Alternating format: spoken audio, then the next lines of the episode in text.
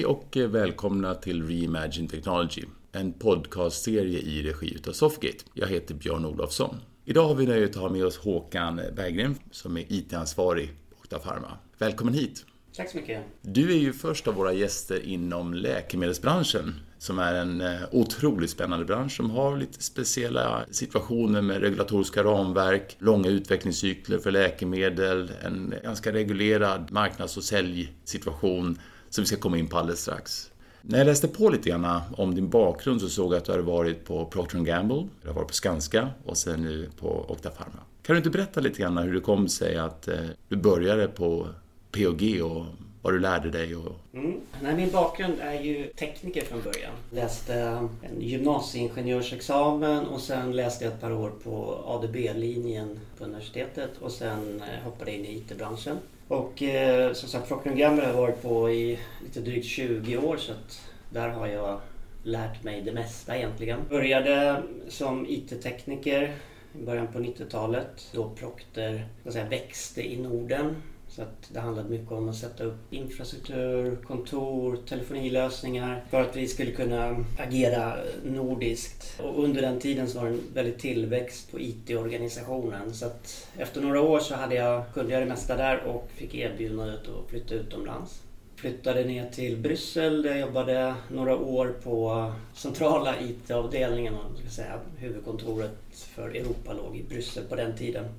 Sen kom jag tillbaks till Stockholm och då tog jag ett vad man kallade broadening assignment för att liksom utvecklas i en annan funktion än bara IT. Då. Och Procter är ett företag som man har lite grann den här promote from within-kulturen. Att man kan börja i botten och sluta på toppen. Och det är en jätteinspirerande miljö att jobba i. Eh, och jag har som sagt möjlighet att, gå över i marknadssidan under ett år och eh, jobbade lite grann om interactive marketing. Och det här var ju slutet på 90-talet då så att eh, internet och digital marknadsföring var ju väldigt nytt då. Vi tittade på olika marknadsföringskanaler, hur vi skulle få ut våra produkter. Då. Plus att det var möjligt för mig också att lära mig varumärkesbyggande. Då. Sen tog jag rollen som IT-chef eller CIO för Procter i Norden och hade den rollen i 5-6 år väldigt spännande tid då Procter köpte eh, både Gillette och Vella som hade stora baser i Norden. Så att det handlade väldigt mycket om att integrera dem i Procters verksamhet. Sen eh, hade jag möjlighet att flytta utomlands igen men det passade inte familjemässigt så jag tittade efter någonting på hemmaplan. Kom i kontakt med Skanska och eh, fick ett jobb som infrastrukturchef inom områden inom IAM, AD, Exchange, den typen av infrastrukturtjänster. Så på Skanska var jag fyra år och stora projekten där var att bygga upp en IAM-plattform för att Skanska skulle kunna samarbeta externt med kunder och leverantörer på ett effektivt sätt. Så att mycket av det vi ser idag la vi grunden för lite grann då med den plattformen som vi byggde upp. Jag jobbade också med att drifta de tjänsterna som var globala då inom Skanska IT. Jag hade också en möjlighet att vara med och bygga upp en IT-strategi tillsammans med Eva Harström då, som var CIO på den tiden. Det var väldigt lärorikt och kul. Men sen fick jag möjlighet också då att ta över IT-chefsrollen på Okta Pharma som, eh, ja, för två år sedan. Då. Ytterligare en ny bransch att lära sig. Som du sa, det är en hårt reglerad verksamhet och helt, helt annorlunda än den man har varit tidigare. Men å andra sidan har det varit en väldig utmaning och väldigt roligt. Då.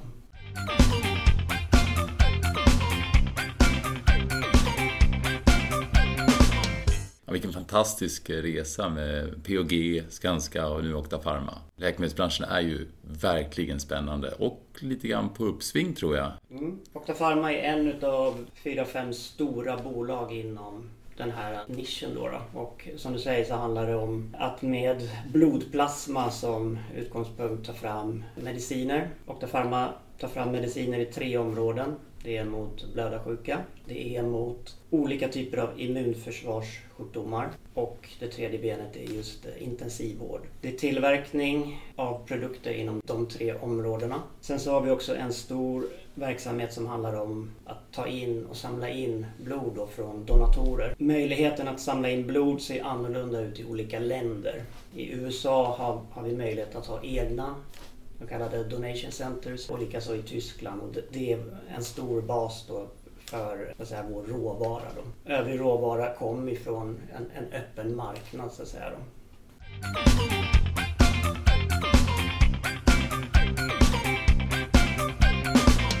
Så går vi in i tillverkning. Hur har det gått för er? Jag förstår att siffrorna har ju pekat uppåt de senaste åren. Vi har haft en bra tillväxt. Mycket tack vare att fler och fler länder har möjlighet att tillgodose den här typen av mediciner. Tittar man på fabriken i Kungsholmen så har vi haft en fördubblad produktion under de senaste 5-6 åren. Och vi har också gått då till att bli mer av en 24-7 produktion. Företaget har växt som sagt. Idag är vi lite drygt 10 000 anställda fördelat då på framförallt produktion men även då donationscenterpersonal. Vad är det som gör det komplext och vilken typ av plattformar använder ni för att få det här att snurra rent IT-mässigt? Vi brukar dela upp IT i som två områden. Det ena är traditionella kontors-IT som är väldigt mycket standardprodukter. Sen har vi vad vi kallar med den operationella teknologin, alltså produktions-IT. Och där handlar det ju om att ha IT-system som kan serva våra tillverkningssystem och ha en hög tillgänglighet. Så att det är alltifrån skada, PLC, den typen av infrastruktur som vi tillhandahåller då för produktionen. Vi har ungefär ja, vi har flera hundra system om man tittar på hur många olika liksom, mjukvaror som snurrar i, i fabriken i Stockholm. Den här, den här typen av eh, mjukvaror eller system, vad har ni för strategi där? Är det eh, branschsystem, specifika branschsystem eller är det moderna generiska system, eh, Enterprise-plattformar, cloud-plattformar? Hur har ni tänkt där? De två stora kärnsystemen är just MES-systemen, eh, produktionsplaneringssystem. Och det andra är ju just LIMS, alltså Laboratory Information Management Systems. Och där har vi ju valt produkter som är vanliga i, i branschen. Då. Utmaningen här är att hålla dem uppgraderade, gå till den senaste versionen för att vi liksom ska kunna möjliggöra ytterligare tillväxt. Vi har väldigt många stödsystem i, i olika former. En möjlighet är också att eh, ta vara på informationen som finns i alla de här systemen. Och där har vi en stor möjlighet med digitaliseringen som kommer. Du, eh, för, för, lyssnarna som kanske inte är medvetna om den här regulatoriska världen, men eh, alla känner till GDPR till exempel och fick lite huvudvärk utav det eh, när det kom för ett par år sedan här och slog igenom ordentligt. Men de har ju ingen aning om vad det innebär att jobba i en regulatorisk värld. Kan du inte berätta lite grann hur det fungerar när ni gör process och systemändringar? Tänk på de här standard operating procedures som ni har som jag tror fortfarande signeras manuellt med bläck, sån här arkivbeständigt bläck. Är det sant? Ja, vissa processer använder vi ju fortfarande papper och penna, så är det. Och när jag kom till Dr. Pharma nu för snart två år sedan så, som sagt, en ny bransch för mig och allt baserat på instruktioner. Så att första veckorna fick man en lista med ett hundratal instruktioner som man skulle läsa, förstå och de här instruktionerna uppdateras löpande. Från att ha varit i IT-branschen länge där dokumentation kan vara ibland lite si och så, så är det ju en helt annan miljö här vad gäller dokumentation, spårbarhet, change control. Väldigt strukturerat och uppstyrt. Och det gör det ju lättare på ett sätt för att hantera IT. Det finns bra instruktioner och det finns rutiner för ändring. Men det gör det också utmanande i och med att det tar längre tid och ganska omständigt att göra förändringar. Mm. Så det finns två sidor av myntet där. Det kan man lätt förstå, det handlar ändå om människors liv ytterst. Att man eh, är compliant mot de här eh, lagarna och reglerna inom GXP. Så det, det, går ju definitivt att rättfärdiga. Absolut. Det är ju jätteviktigt att ett instrument mäter och levererar samma resultat varje gång. Och att den IT-infrastrukturen då som tillhandahåller den här mjukvaran eller vad det nu kan vara också fungerar likadant varje gång.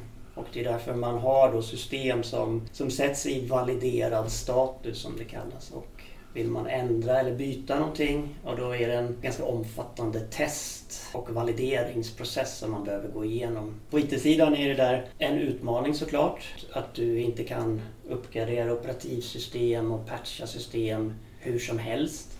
Samtidigt har du ju sårbarheter om du inte patchar och underhåller system. Så att den balansgången där är hårfin men kräver mycket, mycket arbete. Då. Och speciellt nu när fler och fler system kommer via molnet så sätter det helt andra förutsättningar för hur man vill skydda sin miljö. Samtidigt vill man behålla en validerad status. Så det är jättespännande.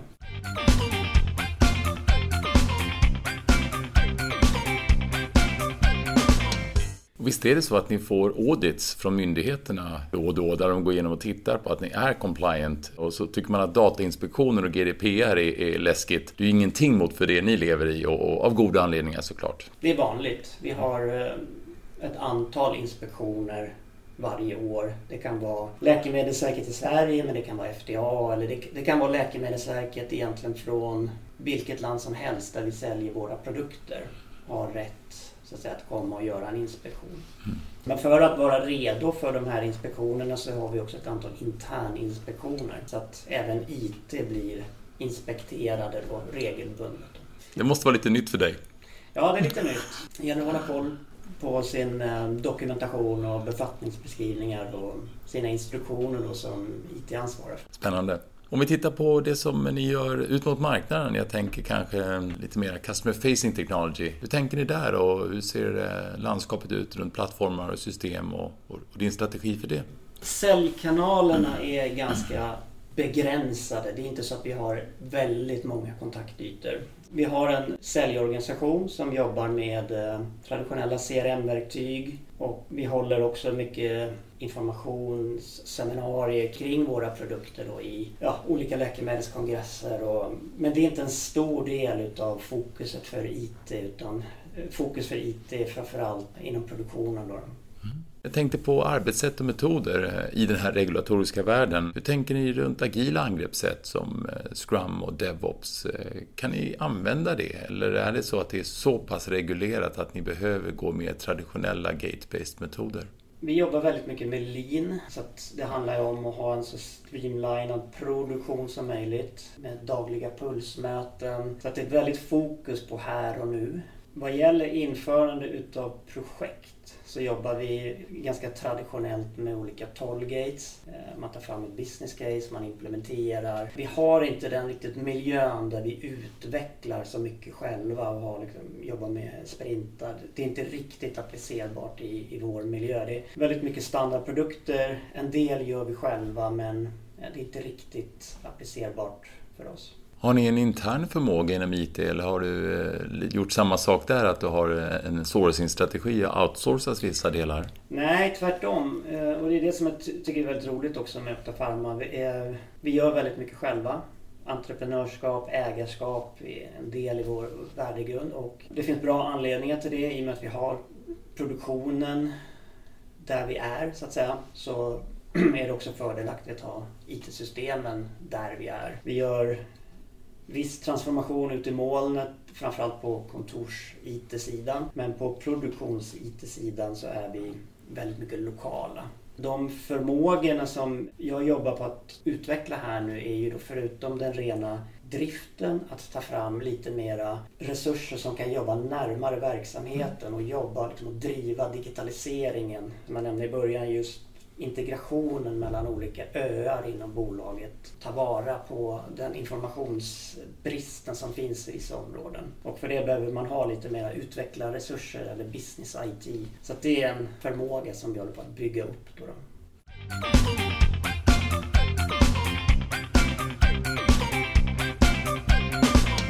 Då kanske man kan säga att IT också är lite distribuerad hos er. Hur får du ut skalfördelar? Är det den här nya tanken att ha lite mera business analysts roller som försöker korsbefrukta mellan olika sajter och kanske områden? Är det så du tänker för att få ihop det här? Om man tittar på infrastruktursidan så jobbar vi med en corporate IT-organisation. Vi har en distribuerad modell i naturen. Vår tillverkning är lokal men vi har ju också en corporate-sida eh, utav bolaget och där försöker vi att hitta skalfördelar där det går. Tittar man på IT-sidan så är det ju mycket de traditionella kontors-IT-applikationerna som ligger där men även globalt nätverk eh, och inte minst cybersäkerheten då, att managera den globalt. Så att kontors-IT-sidan går mera mot en traditionell global förvaltning Även om det är en ganska lång resa och vi har inte kommit speciellt långt där alls om man jämför med, med andra bolag jag har jobbat på. Produktions-IT-sidan, där är vi väldigt lokala idag. Där har ju den här IT-OT-konvergensen har ju precis bara börjat. Där, där ser jag en ganska lång resa innan den är möjlig att liksom jobba mer globalt på den. Du, om vi zoomar in lite grann på kultur och ledarskap. Eh, Proton Procter Gamble har ju en sjukt stark kultur. Eh, säkert också Skanska och ett familjeägt bolag som Octa Pharma har säkert också en stark kultur. Vad är det som genomsyrar er kultur och syn på ledarskap och syn på kompetens och talang och människor? Ja, men det är lite mycket kring det här med ägarskap, entreprenörskap. Vår grundare säger i någon intervju jag såg här nyligen att är ansvar är någonting man tar, det är ingenting man får. Och det är lite grann så jag också försöker tänka kring ledarskap. Jag som ledare sätter en riktning. Vi är väldigt målstyrda.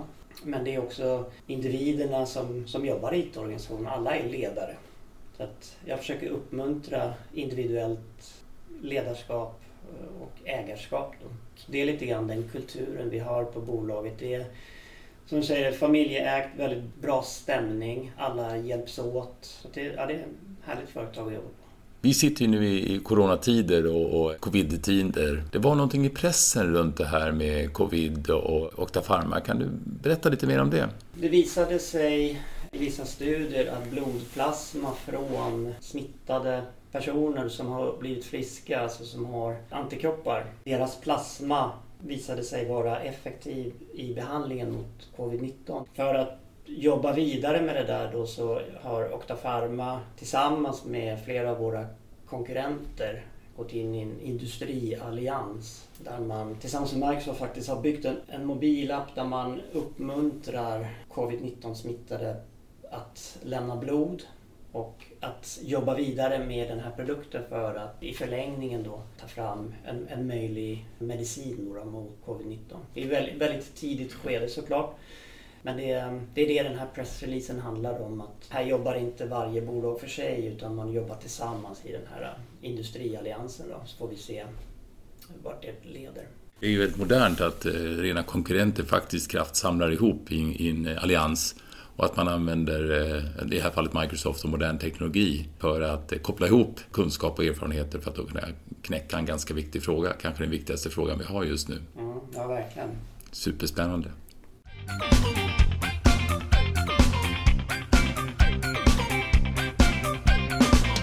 Du, kanske avslutningsvis, vad har du för råd till andra CIOer som kanske antingen har varit med en stund eller som kanske har fått en ny möjlighet att ta rollen som, som IT-ansvarig? Jag skulle berätta lite grann om vår, vår, digitaliseringsresa. Jag tror att rådet när man driver en digitaliseringsresa är att man måste jobba och angripa det från flera håll. Lite grann att bygga upp förmåga, som vi nämnde, pratade om tidigare.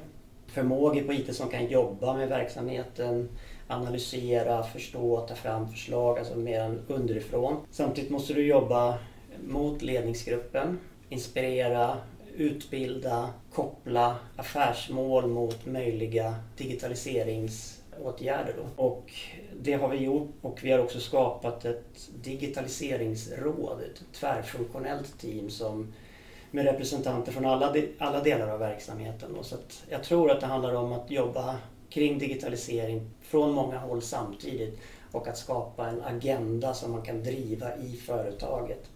Det finns väldigt mycket bra idéer där ute och eh, det är inte IT som kommer komma med dem men IT faciliterar, håller ihop det och kan driva den agendan framåt. Då. Tipset till andra är väl att göra alltså något liknande, mer att angripa det tvärfunktionellt.